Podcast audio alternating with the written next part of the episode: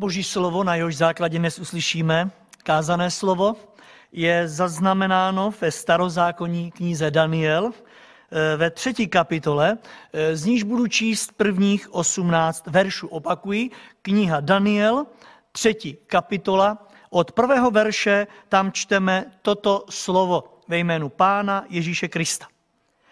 Král Nabukadensár dal zhotovit zlatou sochu, jejíž výška byla 60 loket a šířka 6 loket. Postavili na plání důra v babylonské krajině. Král Nabukadensár poslal pro satrapy zemské, správce a místodržitele, poradce, správce pokladů, soudce, vysoké úředníky a všichni z, všechny zmocněnce nad krajinami, aby přišli k posvěcení sochy, kterou král Nabukadensár postavil. Tehdy se zhromáždili satrapové, zemští správcové a místodržitelé poradci, správcové pokladu, soudcové, vysocí úředníci a všichni zmocněnci nad krajinami k posvěcení sochy, kterou král Nabukadensár postavil. Stáli proti soše, kterou postavil Nabukadensár. Hlasatel mocně volal. Poroučí se vám lidé různých národností a jazyků. Jakmile uslyšíte hlas rohů, flétní, citary, harfy, loutný, dud a rozmanitých struných nástrojů, padnete a pokloníte se před zlatou sochou, kterou postavil král Nabukadensár. Kdo nepadne a nepokloní se, bude v tu hodinu vhozen do rozpálené ohnivé pece. Proto v určenou dobu, jakmile všichni lidé uslyšeli hlas rohu, flétny, citary, harfy, loutny a rozmanitých struných nástrojů, všichni lidé různých národností a jazyků padli a klaněli se před zlatou sochou, kterou král Nabukadensár postavil. V té době přišli muži hvězdopravci a udali judejce. Hlásili králi Nabukadensárovi, králi na věky buď živ. Ty si králi vydal rozkaz, aby každý člověk, až uslyší hlas rohu, flétný, citary, harfy, loutný a dud a rozmanitých struných nástrojů, padl a poklonil se před zlatou sochou. Kdo nepadne a nepokloní se, má být vhozen do rozpálené ohnivé pece. Jsou zdále muži judejci, které si pověřil zprávou babylonské krajiny, Šadrak, Mešak a Abednego – Tito muži nedbají králi na tvůj rozkaz, tvé bohy neuctívají a před zlatou sochou, kterou si postavil, se neklanějí. Tehdy Nabukadensár rozlícen a rozhorčen rozkázal přivést Šadraka, Méšaka a Abednega. Tito muži byli hned přivedeni před krále. Nebukadensár se jich otázal. Je to tak, Šadraku, Méšaku a Abednego, že mé bohy neuctíváte a před zlatou sochou, kterou jsem postavil, jste se nepoklonili? Nuže jste ochotní v čase, kdy uslyšíte hlas rohu, flétny, citary, harfy, loutny a dud a rozmanitých struných nástrojů, padnout a poklonit se před sochou, kterou jsem udělal? Jestliže se nepokloníte, v tu hodinu budete vhození do rozpálené ohnivé pece. A kdo je ten Bůh, který by vás vysvobodil z mých rukou? Šadrak, Méšak a Abednego odpověděli králi. Nebukadensáre, nám není třeba dávat ti odpověď. Jestliže náš Bůh, kterého my uctíváme, nás bude chtít vysvobodit z rozpálené ohnivé pece i z tvých rukou králi, vysvobodí nás. Ale i kdyby ne, věz králi, že tvé bohy uctívat nebudeme a před zlatou sochou, kterou si postavil, se nepokloníme. Tolik čteného Božího slova. Reakce křesťana v okamžiku ohrožení. Tak to je téma i tohoto dnešního kázání. Podobně jako předminulé a minulé se společně s vámi, bratři a sestry, přátelé, vážení posluchači Božího slova, chci i dnes již po třetí ponořit do písma za tímto účelem. Budeme se i dnes ptát, jak se máme jako boží děti chovat ve chvíli, kdy se ocítáme v určitém ohrožení. Věřím tomu, že to je velmi aktuální otázka, která se nám všem v této době, kterou právě prožíváme, nabízí. V tom prvním kázání jsme si řekli, že to nejdůležitější je, abychom do toho našeho problému, který nás sužuje, přizvali našeho Boha. Za druhé, abychom svého Boha vyzvali k tomu, aby on sám vstáhl tu svoji ruku. A to proto, že jeho ruka ještě na nic nebyla, není a nikdy nebude krátká. A za třetí jsme si řekli, že je důležité spojit se v modlitbě za odvahu. Učedníci prosili, pane, dej svým služebníkům odvahu, aby odhodlaně mluvili tvé slovo. A to v síle Ducha Svatého. V tom minulém kázání, pokud si vzpomínáte, eh, tak jsme si řekli k tomuto tématu, že je zapotřebí, abychom se soustředili na něco víc, než jen na takzvanou pomyslnou černou tečku, nakreslenou na velkém bílém papíře. To znamená, přes všechno to ohrožení, které je všude kolem nás, po vzoru apoštola Pavla, máme nepřehlížet ty velké, mocné, široké a hlavně otevřené dveře z boží strany. Nejednou totiž právě proto, že se soustředíme na to malé, nám uniká na druhé straně to veliké. A poštol Pavel nám dokázal, že i přes množství protivníků, kteří stáli proti němu, on vydržel stát pevně s pohledem upřeným na Ježíše Krista, který vedl jeho víru od počátku až do samotného konce. A tak zůstává i dnes ráno pro mě i pro vás, bratři a sestry, tato důležitá otázka. Jde nám to v této době podle tohoto vzoru? Když už víme, jak to dělala eh, prvotní církev, jde nám to? Daří se nám to? A vůbec stačí nám tento vzor? Chtěli bychom, aby ostatní kolem nás napodobovali naše současné chování v době ohrožení, které je teď právě kolem nás? Já vám řeknu i dnes upřímně, že bych si to nejednou nepřál. A právě proto chci společně s vámi dnes se podívat na stejnou otázku se stejným přáním. Naučit se takovému chování, jaké by si můj a váš Pán Ježíš Kristus u nás svých dětí přál. Ano, aby každý z nás, kdo si říkáme křesťany, jsme byli tím krásným vzorem na cestě víry ještě mnohým kolem nás. Příkladem pro toto vzorné chování věřících v okamžiku ohrožení nám v tom dnešním kázání budou tři židovští mládenci, o nich jsme si četli v knize Daniel. Bylo, to velmi, eh, bylo by velmi zajímavé vědět, jaký si tito mladí muži plánovali život v Izraeli době svého dětství a dospívání. Bylo by opravdu e, zajímavé e, vědět, jakou životní cestou chtěli jít. Bylo by zajímavé vědět, čím se chtěli vyučit, jakou si chtěli vzít manželku a tak dále a tak dále. V každém případě ale věřím, že měli před sebou načetnutý krásný život.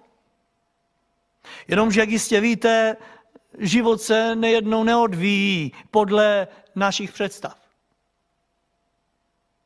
Všechno může být z nenadání úplně jinak, než jsme si to plánovali a očekávali.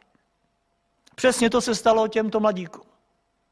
Jednoho krásného dne vtrhl do jejich země nepřítel a než se stačili vzpamatovat, tak byli v babylonském zajetí. Muselo to být hrozné. Víte, všechny plány byly tam. Všechno se jim v životě doslova obrátilo na ruby. Utrpení jejich života bychom asi jen stěží dokázali pobrat. To ale, jak se s tím dokázali takzvaně poprat, nám vyráží dech. Proto ona i dnešní otázka, jaká by měla být reakce křesťana v okamžiku ohrožení.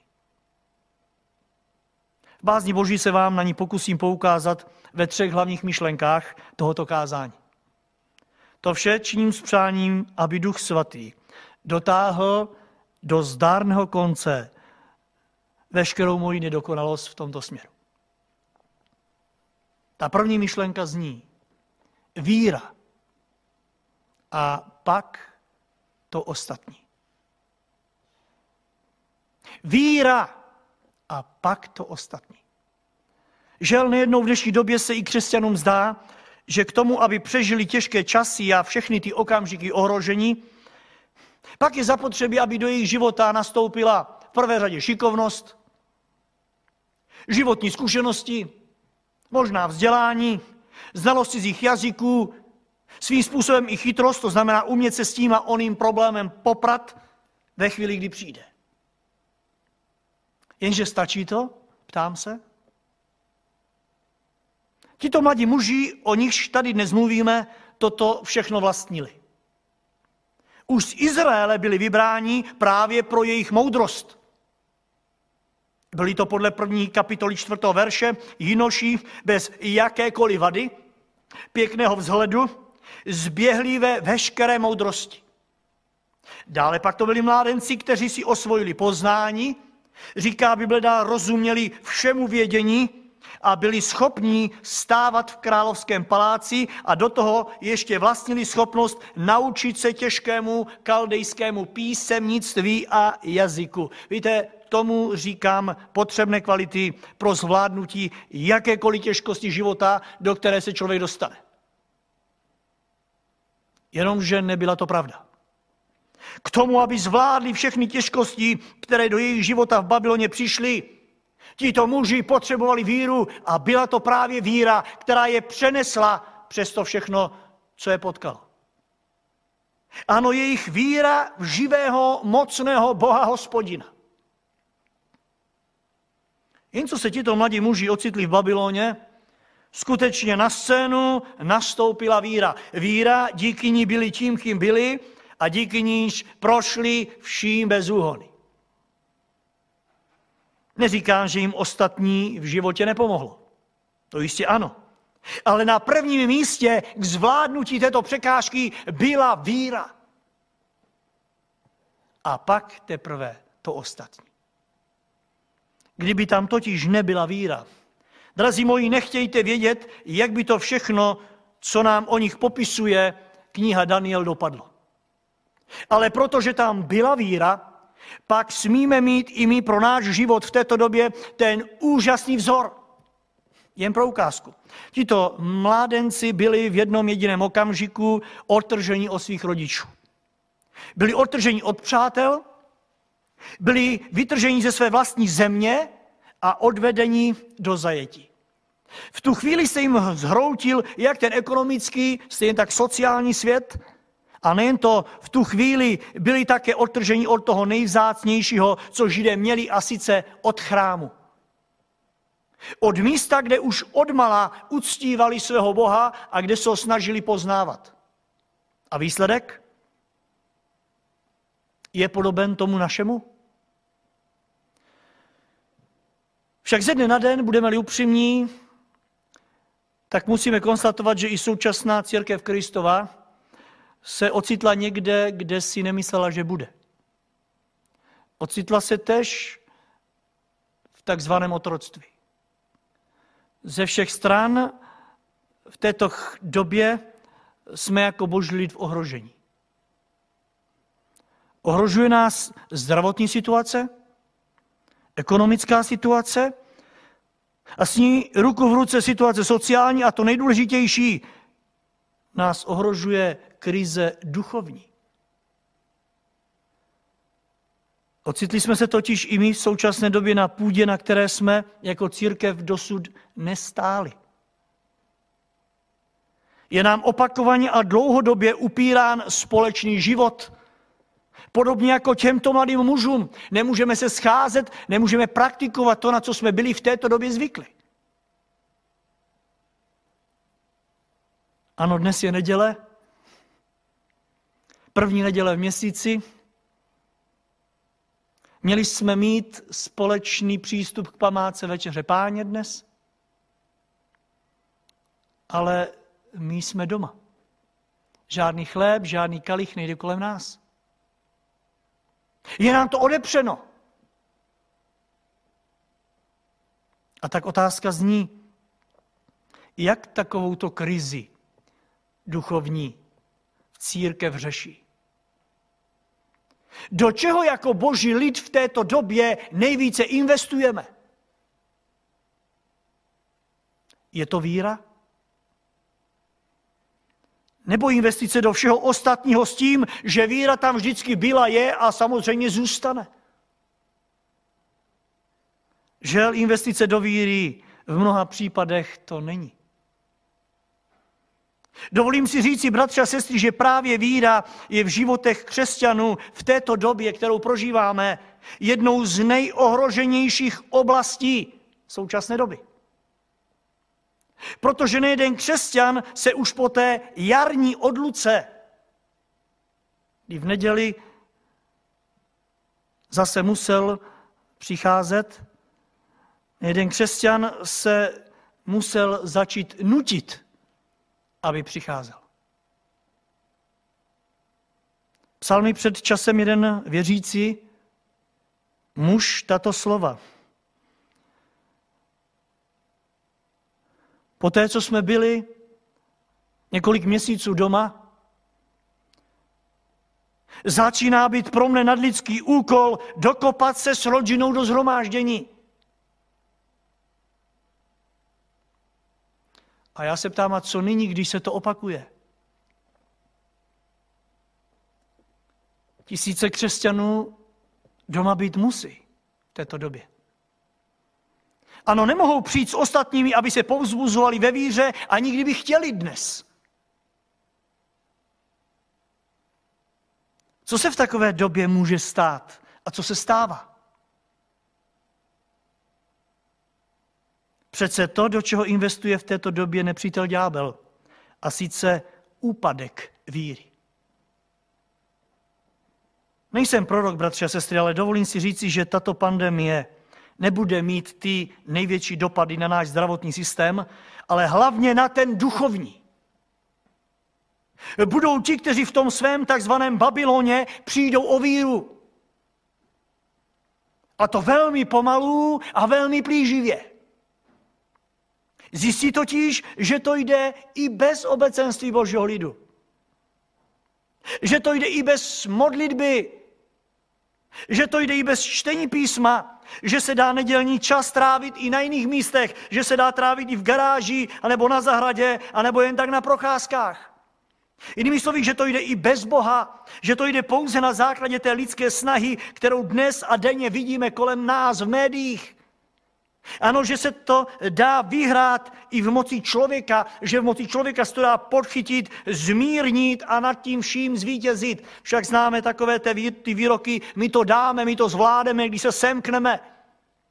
Ano, Bůh v této chvíli může zůstat stranou. A věřte mi, toho se velmi bojím. Stejně jak jsem říkal minulou neděli, že se na jedné straně eh, otevírá obrovský zájem těch, kteří stáli eh, mimo boží lid. Je zde velký zájem mnohých najít cestu k Bohu a tudíž se úžasně otevírají dveře nám, křesťanům pro evangelizaci. Na druhé straně vnímám obrovský úpadek tam, kde by to mělo růst. A sice v božím lidu, který je na této zemi odrazem boží slávy. Mladenci v Babyloně měli všechny předpoklady, aby šli tímto špatným směrem. Byli tam bez rodičů, navíc byli k tomu všemu světskému doslova tamním diktátorským režimem nucení. Ale oni se jednoduše nedali. Založili totiž svůj život na víře v Boha a v něm se trvali. Dokonce odmítali i jídlo a pití, které jim bylo předpokládáno, a to vše s obavou, aby neměli podíl na stravě obětované tamním modlám. A Bůh se k té jejich víře přiznal. Proto o nich smíme vůbec číst v Bibli. Jinak by ty jejich životy zanikly v propadlišti dějin. A nebo by nám byli hodně špatným příkladem. A tak nezapomeňte, bratři, sestry, přátelé, posluchači, Pán Ježíš Kristus dříve než odešel, za něco prosil ve vašem a mém případě. Vzpomínáte si, co to bylo? Stejně jako tehdy to udělal v případě svého učeníka Petra, prosil i ve vašem a mém případě za něco hodně důležitého. Ne, nebylo to za to, abychom byli nutně zdraví za každý eh, okolnosti. Nebylo to proto, abychom byli nutně bohatí, abychom byli fyzicky zdatní, ale prosil za vaši a moji víru. A teď se obával, že ji nenajde, až se vrátí. Lukáš 22, 32. Já jsem však za tebe prosil, aby tvoje víra neselhala. A ty, až se obrátíš, buď posilou svým bratřím. A tak, moji milí, vezměme si to ode dneška za domácí úkol. Věřme více jak kdy jindy. Investujme do víry více jak kdy jindy a následně buďme posilou my těm svým bratřím a svým sestrám. Ano, vezměme to od těch, kteří klesají v našich rodinách na cestě víry. Začněme u těch, jejichž víra vykazuje známky odpadlictví. Nenechme se, aby tato doba nás takzvaně semlela. Ba naopak, pán Bůh si žádá, aby právě tyto těžké chvíle nás ve víře posílili. 2. Tesalonickým 1.4 říká, proto jsme na vás hrdí v církvích božích, neboť vaše víra je vytrvalá v každém pronásledování, v každém útisku, které snášíte. A proč? Jakub 1.3. Vždyť víte, že osvědčili se v nich vaše víra, povede to k vytrvalosti.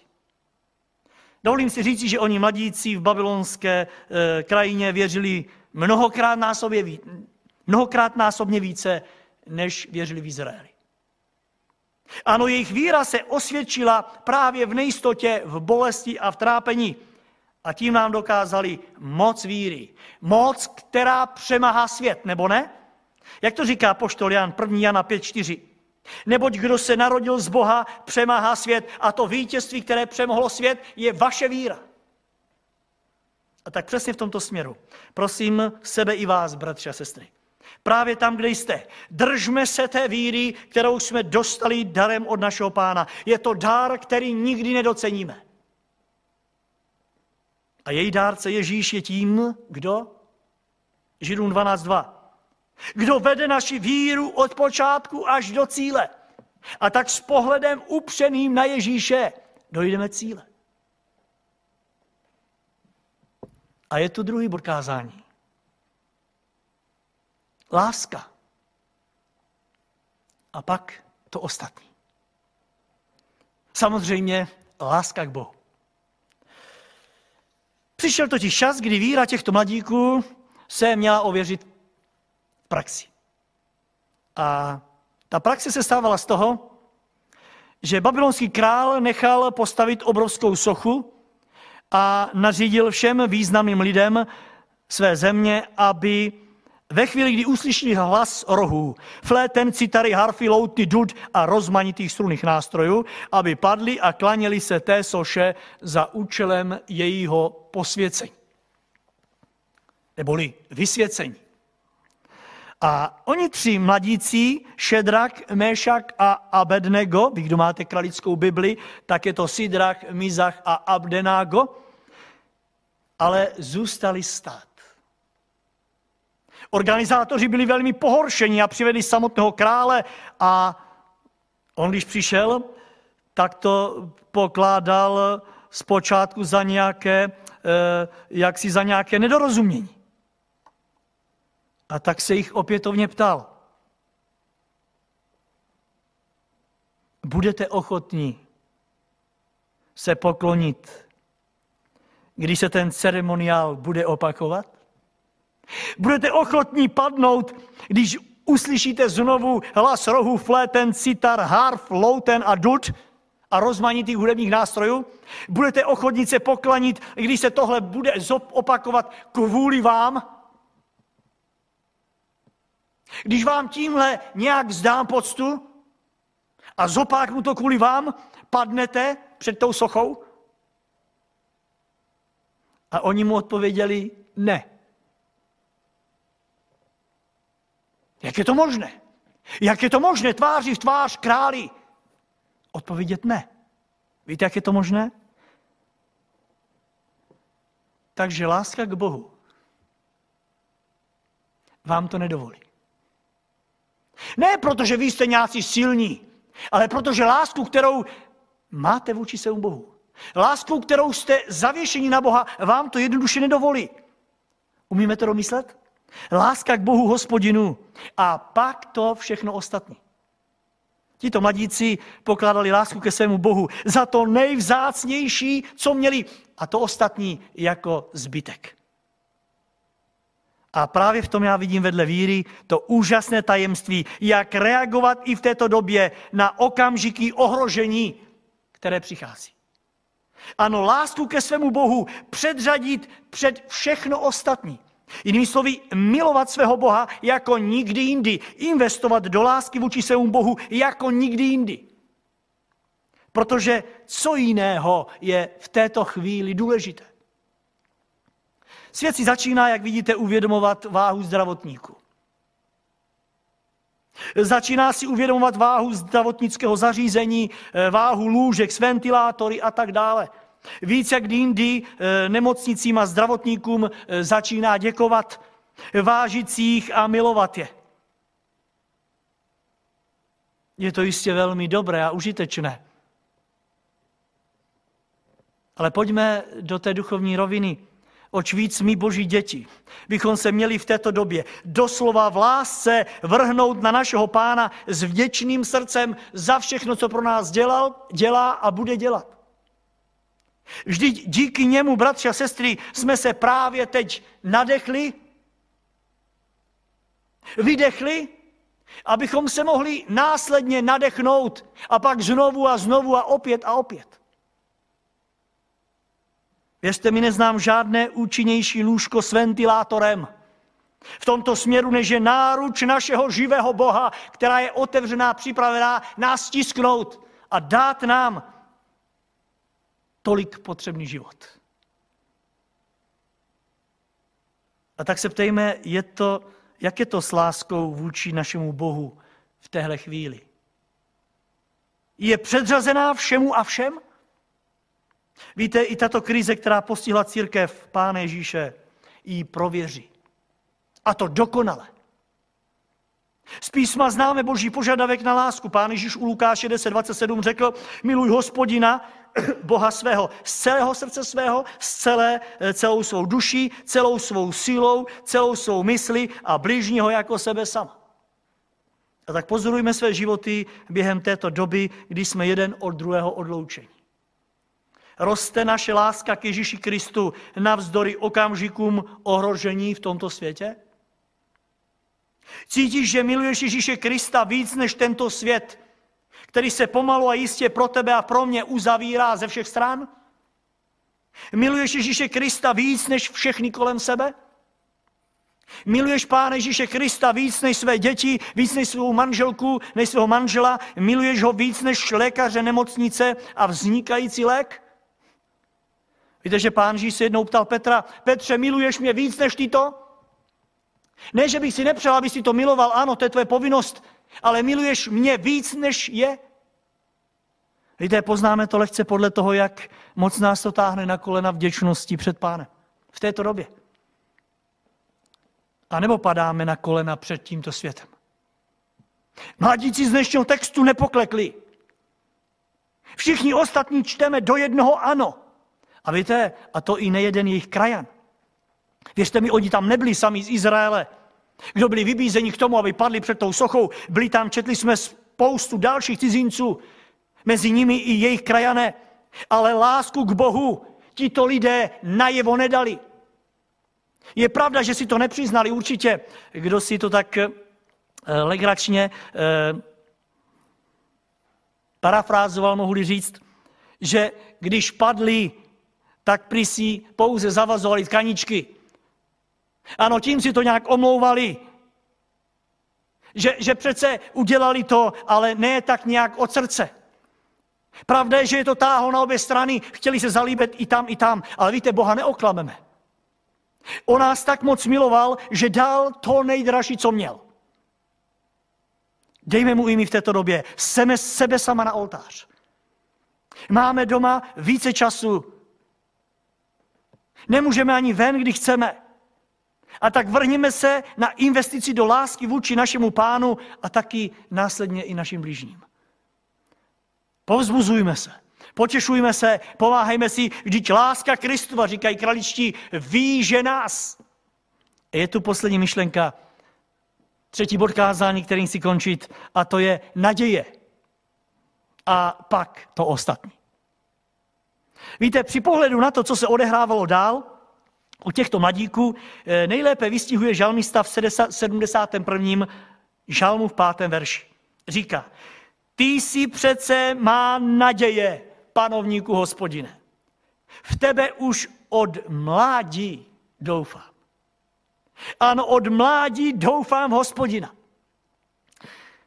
Přišel totiž okamžik, kdy král těmto mužům v Babyloně řekl. Takže vy se nepokloníte? Pak vězte, že je tu rozpálená pec.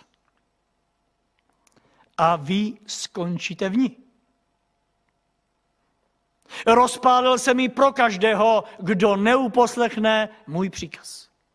A dodal. A kdo je ten Bůh, který by vás vysvobodil z mých rukou? To jsem zvědav, kdo je ten Bůh, který vás vysvobodí z mých rukou. Víte, srdce těchto mladíků jistě trnulo hrůzou. O tom nepochybujeme. Ale všimněte si jejich reakce v tomto okamžiku ohrožení. A kež nám je příkladem. Nebukadensáre, říká Šadrak, Mešaka Abednego. Nám není třeba dávat ti odpověď. Jinými slovy, my ti nemusíme na tuhle tu tvoji otázku vůbec odpovídat. A cituji dál. Jestliže náš Bůh, kterého my uctíváme, nás bude chtít vysvobodit z rozpálené pece a z tvých rukou králi, vysvobodí nás. Ale i kdyby ne, věz, že nic se na našem rozhodnutí nemění. My králi zůstaneme stejní ve víře i v lásce. A nově i v naději. Ano, my jsme připraveni oslavit našeho Boha životem, pokud nás vysvobodí, ale stejně tak i smrtí rozhodneli se vzít si nás k sobě. Není to úžasné?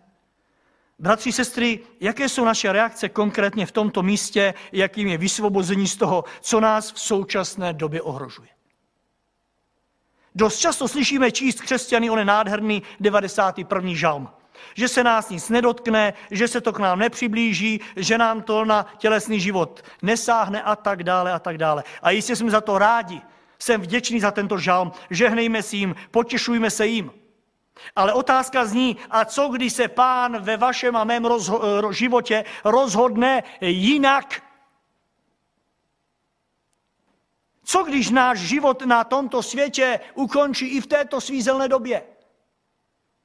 Má se, bratře a sestro, něco u tebe a u mě měnit? Tito mládenci řekli, u nás králi se nezmění vůbec nic. Ať se Bůh rozhodne jakkoliv, je to jeho výsostné právo. Víte, slyšel jsem vyprávět takový krásný příběh, kterým si zakončit dnešní kázání. Kazatel kázal o příchodu Pána Ježíše Krista a následně se zeptal přítomných, zda se těší na svůj odchod k Pánu Ježíši. Všichni mlčeli. Pojednou se jeden z posluchačů zeptal, a to jako na kdy myslíte? A kazatel říkal, no až pán přijde jestli pak se těšíš na okamžik, až pán přijde.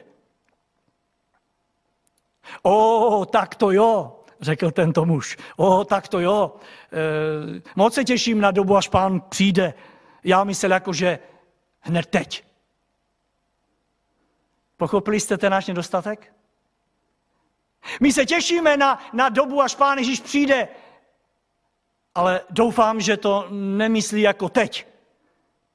Víte, my mluvíme o odchodu, my kážeme, my zpíváme, ale nějak si nechceme připustit, že by Pán Ježíš Kristus měl přijít teď, vždyť máme před sebou ještě eh, dobrý oběd, máme před sebou krásné odpoledne, máme před sebou určitě nádherný zítřek a příští roky spoustu plánů. A já říkám ano, z boží milosti ano. Ale pokud se rozhodne Pán Ježíš Kristus jinak, si říci, pane, jsem připraven teď, jsem ochoten teď, O ano, já jsem, já jsem, e, se těším na to, až pán přijde.